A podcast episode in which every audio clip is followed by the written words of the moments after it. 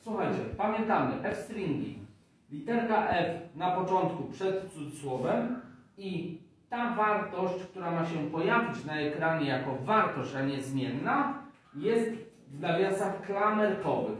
Ewentualnie druga opcja, możemy również zrobić proste działanie.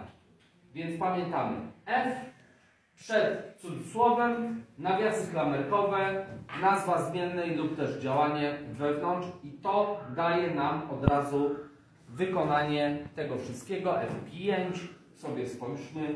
Masz 16 lat, jeszcze chwila, dokładnie 2 lat, bo oczywiście wynik tego odejmowania, mój wiek i odejmowania 18 minus mój wiek daje 2. Dziękuję serdecznie.